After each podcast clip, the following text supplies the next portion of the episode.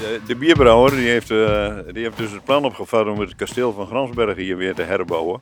Eh, en het kasteel van Gramsbergen dat is in, in onze opinie opgeblazen door, eh ja, door Bommenberen, maar ook door de Koevoordenaren, de Koeversen zeggen we hier. Kijk, en we zijn nu bezig om het kasteel weer op te bouwen en eh, daarom hebben we daar een kanon neergezet. En dat kanon dat staat dus richting Koevoorde. Voor het geval dat ze nog eens een keer de euvele moed hebben om, het, eh, om ons eh, kasteel weer op te blazen. Dan krijgen ze meteen met het kanon te maken, zeg maar. Ja, kijk. Ik vind het wel een beetje een klein kanon.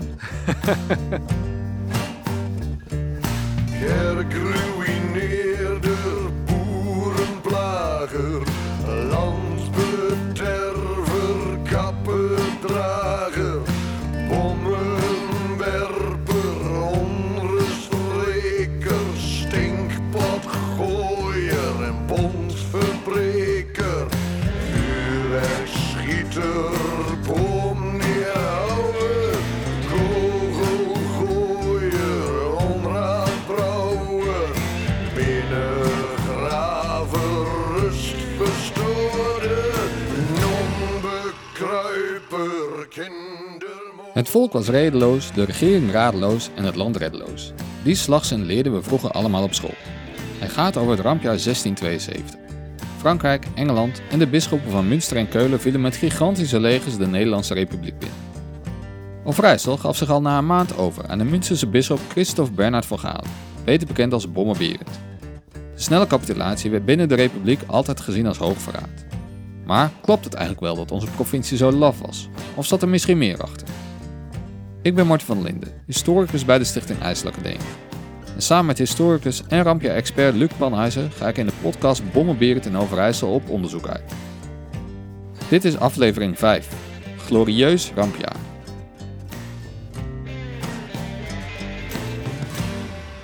Dus dit is de, de vechtsomp, zeg maar, waar je normaal gesproken mee... eh, Luc en ik varen over de Overijsselse vecht bij Gramsbergen. Hoe kunnen we, hoe kunnen we het beste gaan zitten? Jullie kunnen... eh, Henk Steenbergen, B. Snijders en Wim Rico van de stichting Vechtenzompen nemen ons mee over de rivier die in 1672 een belangrijke rol heeft gespeeld. gaat het meeste eh, vertellen. Die heeft de meeste kennis. Van, van de bommenberen zal ik eh, denk ik iets meer vertellen. Nou goed, eh, dan zijn we nu in de punten. Zijn we op weg naar, eh, over de vechten, op weg naar Koevoorde. En dan eh, gaan we eens even kijken waar, eh, waar we naartoe gaan. We gaan in ieder geval naar eh, de kruising van eh, de Vecht en het kanaal. Het eh, kanaal Almelo, de Haandrik. En dat kruispunt, daar gaan we straks in ieder geval naartoe. Dat is een belangrijk punt. Tijdens hun vaartochten vertellen Henk, B. en Wim toeristen en dagjesmensen onder andere over de oorlogshandelingen van de Münstersen. Eh, omdat daar ook eh, nog een schans gestaan heeft. eh, de batterijen van de Haandrik zijn er nog bekend van. En dan hebben we daar ook een plek wat heel lang ook een doorwaardbare plaats was. Als er weinig water was, kon je daar altijd doorheen. En vanaf die plek, dat, ik denk dat dat zeker de moeite waard is, is er ook een dijk aangelegd om onder andere Koevoorde onder water te zetten. Maar daarover hoor je later meer. Eerst zoomen we in op de 17-jarige vaandrig Gerrit van Riemsdijk uit Gamsbergen. Hij was een van de weinigen in Overijssel die tijdens de Münsterse inval niet echt onder de indruk was van de slagkracht van het leger van Bommenberend. Ja, Gerrit van Riemsdijk die kwam uit een eh, belangrijke familie. Je hoort Henk. Rentmeester eh, van diverse eh, kastelen, ook in eh, Overijssel. Maar zo was hij ook eh, rentmeester van het kasteel in eh, Gramsbergen. En bij de aanval eh, van de Munstersen heeft hij een eh, 30 man, eh, hebben ze zich verschanst in het eh, kasteel. En de Munstersen die kwamen met, ik dacht zo'n eh, 300 man eh, of, meer, eh, voor de poort van het kasteel te staan. En die eisten de overgave. Maar eh, Van Riemsdijk dacht, ja, ze hebben helemaal geen geschut bij hun. Eh, we schieten gewoon een paar keer op die Munstersen. En eh, toen dropen ze ook af. Toen zijn ze naar Ulzen gegaan, hebben ze een geschut opgehaald. Toen kwamen ze met geschut voor de poort van het kasteel. Toen dacht Van Riemsdijk, ja, is wel leuk, maar is het wel echt geschut? Dus die wees nogmaals het, eh, de overgave af. Nou, toen hebben die mensen een paar schoten gelost. En toen heeft eh, Van Riemsdijk gezegd, akkoord, de overmacht is zo groot, dat, eh, dat redden wij niet. En deed hij dat dan met een, een, een wit vlaggetje zo boven de muur? Nee, of, of, eervolle aftocht. Militaire eervolle aftocht. Nou, dat werd hem beloofd. Maar hij was toen nog maar 17 jaar, hè. Vaandrig was hij. En eh, hij kwam met zijn, eh, ja, de inwoners van Gransbergen, zeg maar, naar buiten.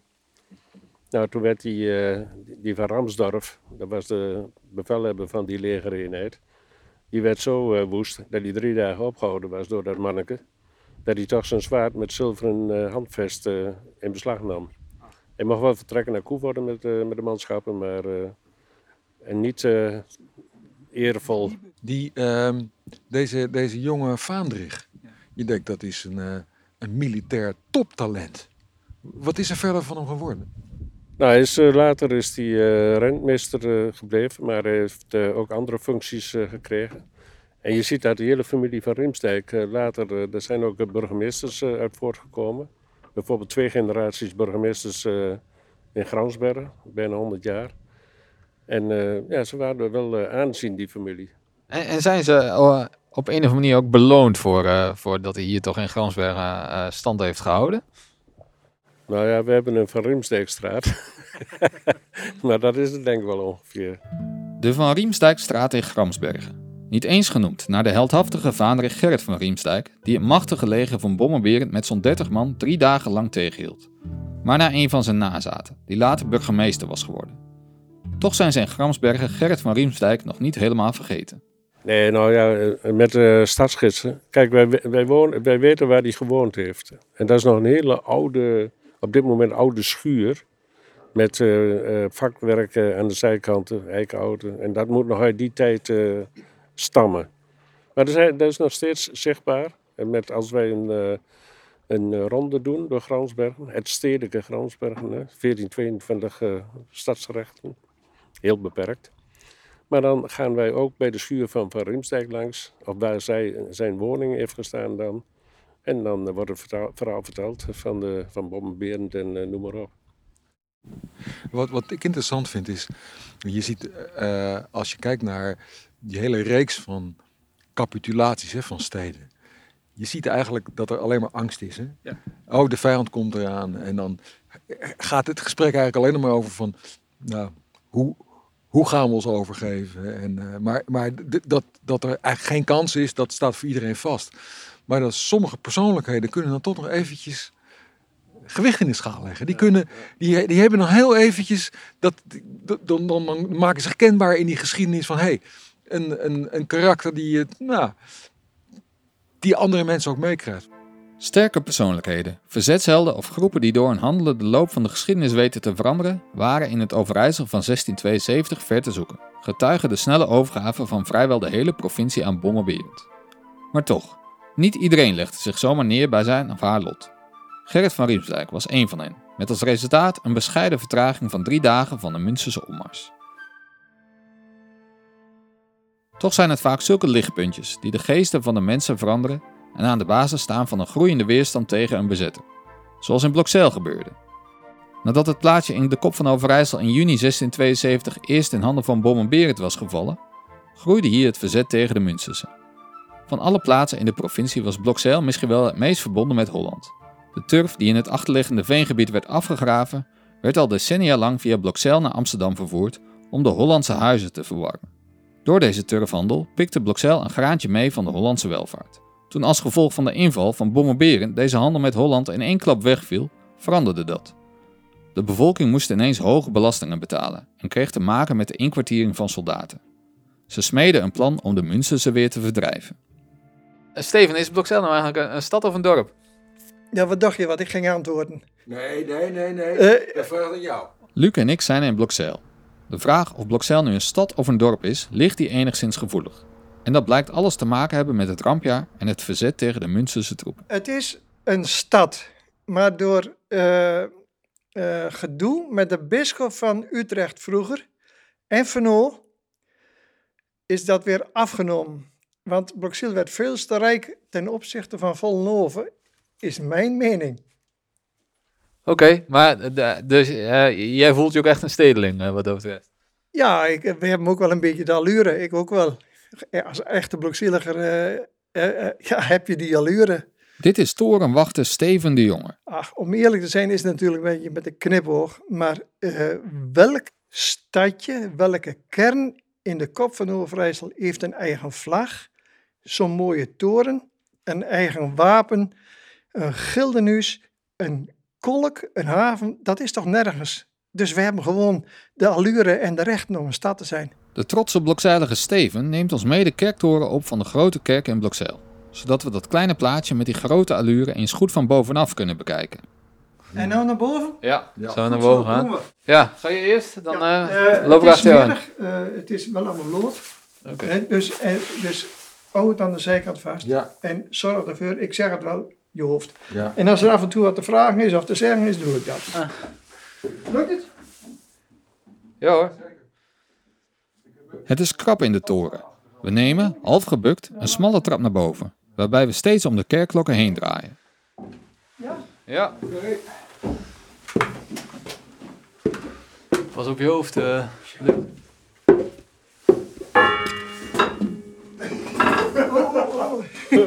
Wat is dat dan? Hij, dat. Ik niet. De... Maar eenmaal boven, in een frisse bries, worden we rijkelijk beloond voor onze inspanningen. Nou. Ja? Ja. Nou, Nou, kijk maar rond. dit is wel fantastisch. De grote kerk van Blokzeil werd in 1609 gebouwd en de toren van de kerk stamt uit 1630. Tijdens het rampjaar konden de Blokzeiligers vanaf hier de wijde omgeving in de gaten houden. Toen in 1672, denk je dat hier nou ook een, een uh, blokzieliger op, eh, op de uitkijk stond om te kijken of, eh, of de, de Friezen er al aankwamen vanaf daar? Ik denk het wel. Want als we zo meteen naar beneden gaan, dan kun je zien dat er poorten zitten. Waar ze geweren doorheen konden steken en waar ze ook konden kijken. Dus ik, ik denk wel dat daar, daar wel wat eh, in die toren eh, En- en zat. Die plek waar we nou staan, Ja. kon je daar in de 17e eeuw ook al staan? Ja, ja, ja, ik denk het wel, ja. Je, je- je hebt, je hebt eh, 360 graden in de rondte dat je kan kijken. Ja. Dus het is eh, hè, voor, voor strategisch eh, overzicht natuurlijk wel super. Ik, Ja. eh, ja, ik denk, ik denk dat als dat ge- eh, gegarandeerd wel gebruikt is, eh, Hmm. zo'n toren als uitkijkpunt. Ja, Luc, Luc, en als jij je dat nou voor- voorstelt, hè, want er komt hier komt ineens een, een horde, komt daar zo de Kuinderstraat uh, komt er binnenlopen. En dan, uh, nou, dan sta je hier toch te juichen als, uh, als ja. En ik denk ook dat je je, je, uh, je hart vasthoudt, je adem inhoudt. Weet je, het is natuurlijk wel, je zit hier hoog boven, je kunt niet helpen, je kunt alleen maar toekijken. Ja, en, en dan wordt zo, zeg maar, uh, nou hoeveel meter is het? 33. 33 meter onder je wordt het lot van jou besloten. He, van hoe gaat het met dit uh, stadje en hoe gaat het straks met jou als jij uh, alle trappen bent afgedaald en weer met je voeten op vaste grond staat? Word je gevangen genomen? Of mag je je handen omhoog steken van yes, we, we zijn nog vrij.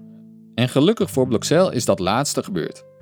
Ongeveer twee maanden nadat Bommeberen Blokzeil had bezet, lukte het de burgers om met hulp van staatse troepen vanuit Friesland de Münsterse onder leiding van overste Twikkelo te verslaan. Hoe dat precies in zijn werk ging, weet Marie Doosje van het museum Het Gildenhuis. Want dit is hier de Kuinderstraat, uh, Marie. Um, hier was ook de Kuinderpoort? Ja, aan het eind van de Kuinderstraat was de Kuinderpoort. En, en dat was de plek waar, uh, waar de uh, uh, troepen eigenlijk binnenkwamen? Dat was inderdaad de plek waar de troepen binnengelaten werden na een hevige strijd. Want het was zo, de, het Friese legertje was bij Blankenham aan land gegaan op de vroege ochtend van 23 augustus 1672. Zij wilden graag op, naar Blokzeil marcheren, maar Twikkelo die had daar lucht van gekregen dat er een Friese leger in aantocht was. En hij had op de avond van 22 augustus nog versterking gekregen van zo'n 48 soldaten uit Hasselt, uh, 54 dragonders en nog 45 ruiters. En hij was uh, de poort uitgetrokken, maar de burgerij die was, uh, die wilde gaan ingrijpen. Zo gauw zij de poort uitgetrokken waren, dan zou de burgerij zou de poort sluiten, zodat de troepen van de bisschop van Münster de Friese voor zich hadden en de Blokzeiler bevolking achter zich. Het Münsterse leger zou dus in een soort van schaarbeweging aangevallen worden.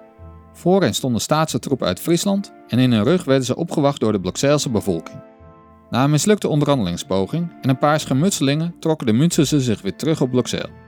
De burgerij hier die was eigenlijk inmiddels een beetje bang geworden dat zij te snel zouden ingrijpen, want ze waren ongewapend. En ze hadden ook inderdaad gehoord dat Twikkelo versterking had gekregen. Maar toen ze zagen dat het uh, de Friesen niet lukte om met, met, met Twikkelo en zijn mannen binnen te komen, toen zijn ze als het ware in beraad gegaan en ze hebben gezegd: uh, Mannen, we moeten nou dapper zijn en we moeten de strijd aangaan en dan krijgen we onze vrijheid terug. Waarop een van die mannen zei van, laten we de commandant zeggen dat hij de plaats moet overgeven. Nou, zo gezegd, zo gedaan. De Friesen kwamen bij de poort. Ze kwamen binnen. Maar Twikkelo die werd vastgegrepen en er werd gezegd, uh, geeft u over. Of nee, parlementeer en geef de plaats over. Twikkelo zei, nee, ik kan de plaats wel houden.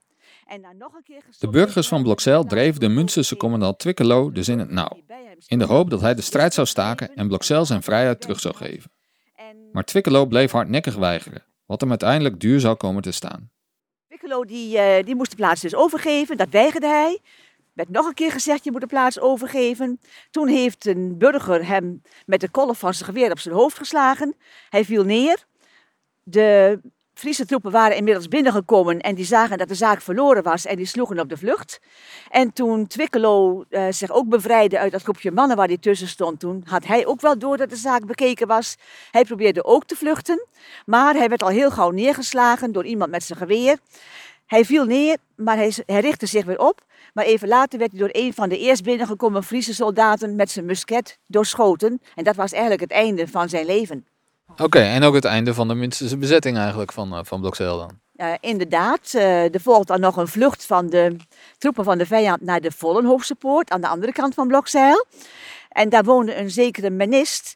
En die zag die soldaten van de vijand vluchten. En die heeft er een aantal in zijn huis geroepen. Zogenaamd om zich voor de furie van de Friezen te verbergen.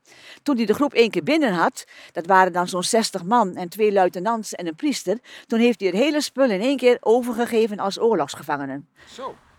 Ja, dat, dat, dat is nogal wat. En ook had hij best een groot huis, hè? Als er 60 Nou, dat zal wel inderdaad wel. Die mannen die waren natuurlijk o zo bang voor die Friesen. Dus die kropen natuurlijk in alle hoeken en gaten van het huis. En met deze heldhaftige actie was Blokzeil na Groningen de tweede plaats in de Republiek en de eerste in Overijssel die Bommenberend een nederlaag toebracht. Als enige plaats in de provincie duurde de Münsterse bezetting hier niet tot 1674, maar slechts twee maanden, tot 3 september 1672.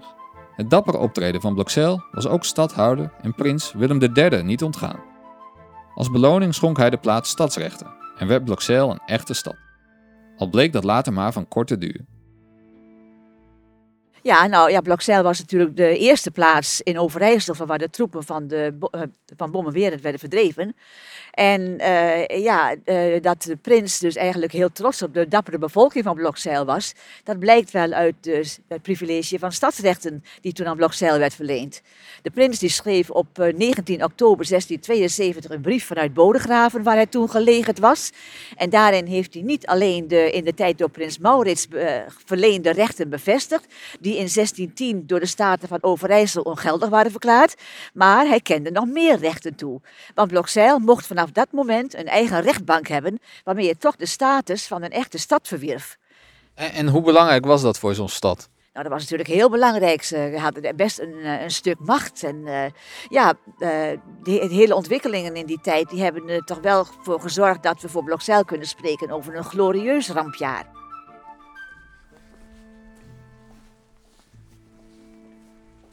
De stadsrechten die is Blokzeil ook weer kwijtgeraakt daarna. Weet je ook hoe dat is gegaan dan? Nou, het was wel zo dat de drost van Vollenhoven die protesteerde hevig hiertegen. En ook de staten van Overijssel die die nieuwe rechten moesten bevestigen, die, die weigerden ook dat te doen.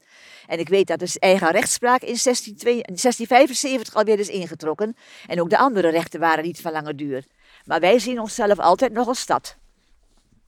Ja, Blokzeil was dus duidelijk een, een andere soort plaats dan de andere plaatsen in de omgeving, wat veelal vissersplaatsen waren rond de Zuiderzee. Maar Blokzeil is altijd een handelsstadje geweest.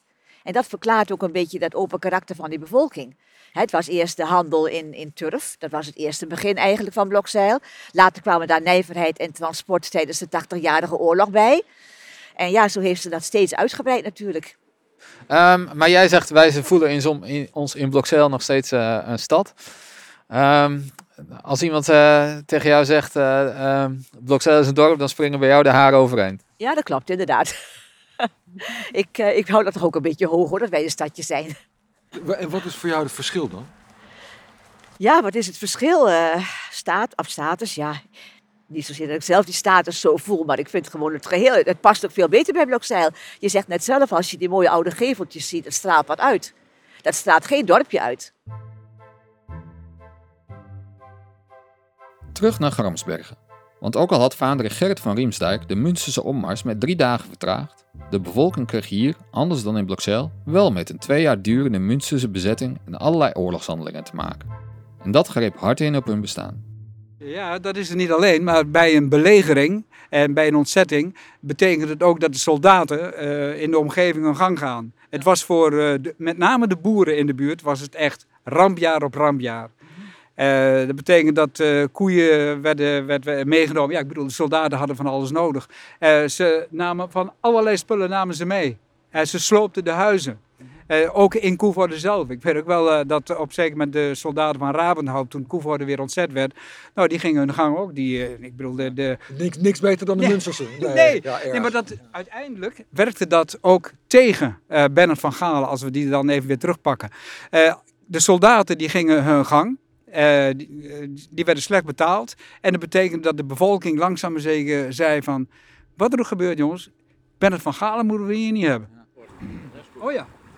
Hey, want eh, als we het hebben over bevolkingsdichtheid, hè, door al die moerassigheid hier, dus ook gewoon heel weinig mensen. zeker.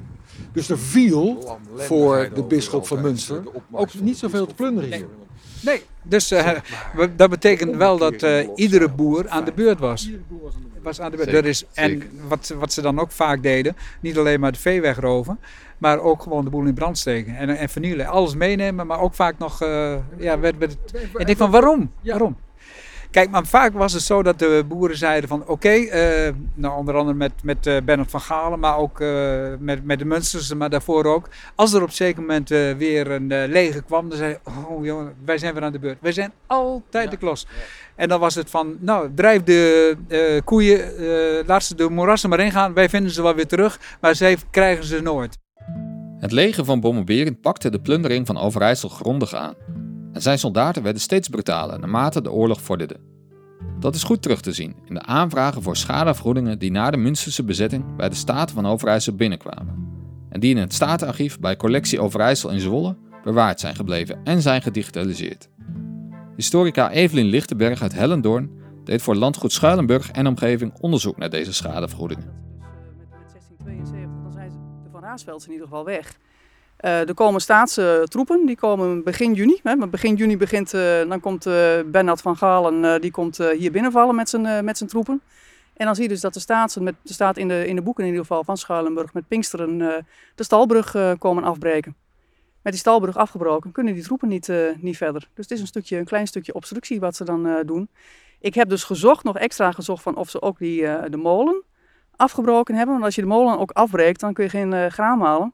En dan heb je geen broodvoorziening uiteindelijk, of meelvoorziening, voor de, voor de troepen. En dat was natuurlijk ook een hele belangrijke. De staatsen komen, breken de brug af en gooien de restanten van, eh, van, van brug, maar ook van watermolen, gooien ze in de, in de reggen. De planken in ieder geval. En dan komen de Münsterse troepen en die pakken weer planken en, dat, en herstellen de boel weer. En als ik inderdaad de pachtboeken nakijk, dan heeft de molen wel, zij het met schade, maar nog wel eh, doorgedraaid. Mondjesmaat. Oké, dus ja, de mensen hebben dat weer, eh, weer hersteld. Die En, hebben het eh, zelf weer eh, hersteld. Uit eigen belang. Uit eigen belang, maar die hadden het ook nodig. Net zo goed nodig. Want Over die Münsterse soldaten hoor je altijd maar dat ze fel over been waren. Soms zelfs nauwelijks kleren om het lijf hadden. Altijd op zoek naar eten. Dus eh, uitgehongerde wolven die het la- landschap afstroopten. Zullen wel blij zijn geweest met eh, nog een, een werkzame graanmolen. Eh, wa- waarschijnlijk wel. En dat zie je ook wel eh, in, eh, in, in de schaderapporten weer terug. Dat als ze hier inderdaad in de omgeving, ook alle, alle erven zo ongeveer, want ik heb alle ervennamen zo ongeveer wel op een rijtje voor die, voor die tijd. Dan zie je ook dat geen enkel erf of, of bewoners ongeschonden blijven. En ze nemen inderdaad kleding, een beetje huisraad, nog nooit zo heel erg veel. Maar kleding en voedsel mee. En het vee wordt geroofd. Wat kom je tegen van wat ze meenemen? Kun je daar iets over zeggen? Ja, ik zie dat de ketels en zo en dergelijke dan meegenomen worden. Of het handgereedschap eh, van een schoenmaker die dan zegt hè, wat zijn eh, gereedschap eh, meegenomen is. dat soort dingen, maar echt de, de, de basic dingen. Maar ik ga er eigenlijk ook vanuit dat voor het grootste gedeelte in de erven dat ook is wat aanwezig was. En, en, en dat wat we natuurlijk tegenwoordig aan, aan luxe in huis hebben, dat, dat hadden ze niet nodig. Dat was er natuurlijk ook niet, maar dat, dat was niet aan de orde. Nee, men pakte echt dat mee wat men onderweg ook weer kon gebruiken. Dus dan zie je toch weer de potten en de pannen die meegesleept gaan worden. dus eigenlijk heel logisch. Wat opvalt in de rapporten is dat de geleden schade lokaal nogal kon verschillen. En dat het zwaartepunt van de plunderingen pas bij de Münsterse aftocht in 1674 Je lag. ziet hem wel heel duidelijk dat rondom Schuilenburg, dus hier de, de buurschap Elen en Raan en eh, hier over de in, eh, in, in, in Hulzen, dat daar het meest getroffen is. Nou, die zit ook het dichtst bij, eh, bij eh, hier de, de havenzaten. Eh, dan zijn ze ook de meeste dingen echt, eh, echt kwijt. Dan zie je ook hogere bedragen eh, voorkomen. Dorp Hellendoorn zit er ook bij. Maar je ziet dan hoe verder het weg is van, van het dorp, hoe kleiner de schade. Ook dan toch de meeste mensen wel met schade. Maar de bedragen worden een stuk, een stuk lager. Dus niet, niet alles is dan kennelijk eh, weggehaald. Zou het ook mee te maken kunnen hebben dat waar de schade dan uitgedrukt in bedragen het minste is, dat daar ook gewoon meer armoede was? Dus minder, ook te, minder te halen viel? Ehm, een, stukje, een stukje wel, want Daarle is dan, dan toch wel altijd een van de, de eh, rijkere eh, eh, buurschappen geweest in, eh, in, eh, in het kerspel eh, Hellendoorn. En dan zie je de bedragen toch wel aanzienlijk zijn, wat daar eh, toch eh, geroofd is. En, eh, en hieromheen, ja, dat was toch wat, wat, wat meer gemeleerd. Het boerenbedrijf in, in Dalen, dat floreerde nog in die, eh, in die 17e eeuw. En dan zie je inderdaad dat de bedragen wel hoger zijn dan wat dan bijvoorbeeld in Hulzen of zo dan nog weer, eh, toch weer weggehaald wordt. Waar toch wat kleinere boeitjes ook eh, en de keutertjes zitten. En wat voor, voor, wat voor soort schadeposten zie je dan eh, terugkeren? Echt de, de, de kleding, met name kleding, maar ook heel veel rollen stof. Dan zie je dus ook hè, dat ze dus allemaal hun eigen kleding nog, eh, nog maken. eh, dat wordt geroofd.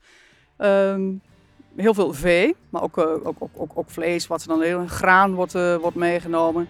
En eh, eventueel wat kook, kookgerei. Maar soms ook zeg, van de schoenmaker, dus eh, het schoenmakersgerei en alles wat ze maar gebruiken kunnen, ook onderweg. Het is niet duidelijk van wat er allemaal precies uitgekeerd gaat worden, maar je ziet dat het met name met die terugtocht, eh, dan, toen hebben ze echt de boel echt gewoon echt gigantisch leeggetrokken. De bevolking van de steden en het platteland in Overijssel leed dus de meeste schade bij de aftocht van de Münsterse troepen in 1674. Dat past ook in het beeld dat Bernard van Galen in 1672 eerst een serieuze poging deed om een nieuw bestuur in Overijssel te vestigen. Ook al was er toen sprake van zeer hoge belastingen en inkwartiering van soldaten. Maar omdat de oorlog voor Bommenberend slecht verliep en in 1674 echt verloren was, gingen alle remmen los en bleef Overijssel tot op het bot geruïneerd achter.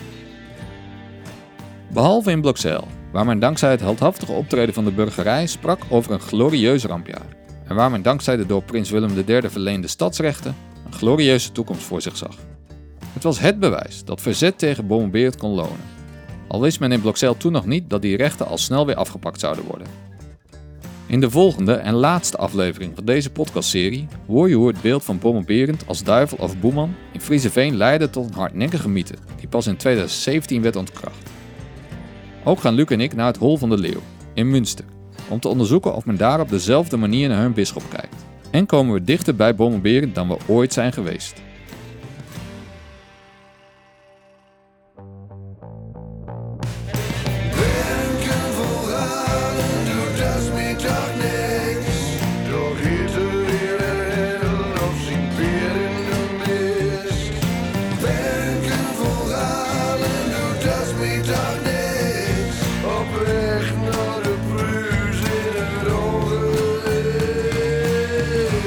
Deze podcast werd gemaakt door de IJsselacademie met hulp van Martine de Boer, Marco Kruijnsen, Martine van der Veer en Esther van Vel. De titelsong is van Hendrik Jan Bukkers. Montage en sounddesign zijn gedaan door Michiel van Poelgeest van audioproductiebedrijf Klank. De provincie Overijssel maakte onze podcastserie over Bommenberend in Overijssel mogelijk. Wil je meer weten wat er naar aanleiding van 350 jaar rampjaar in Overijssel allemaal te doen is? Kijk dan op bommenberendinoverijssel.nl. Vond je deze podcast nou leuk? Laat dan een beoordeling achter zodat anderen hem ook kunnen vinden. Of deel hem op je social media. Wil je meer podcasts van de IJsselacademie horen? Zoek ons dan op in je favoriete podcast app. Voor nu, bedankt voor het luisteren.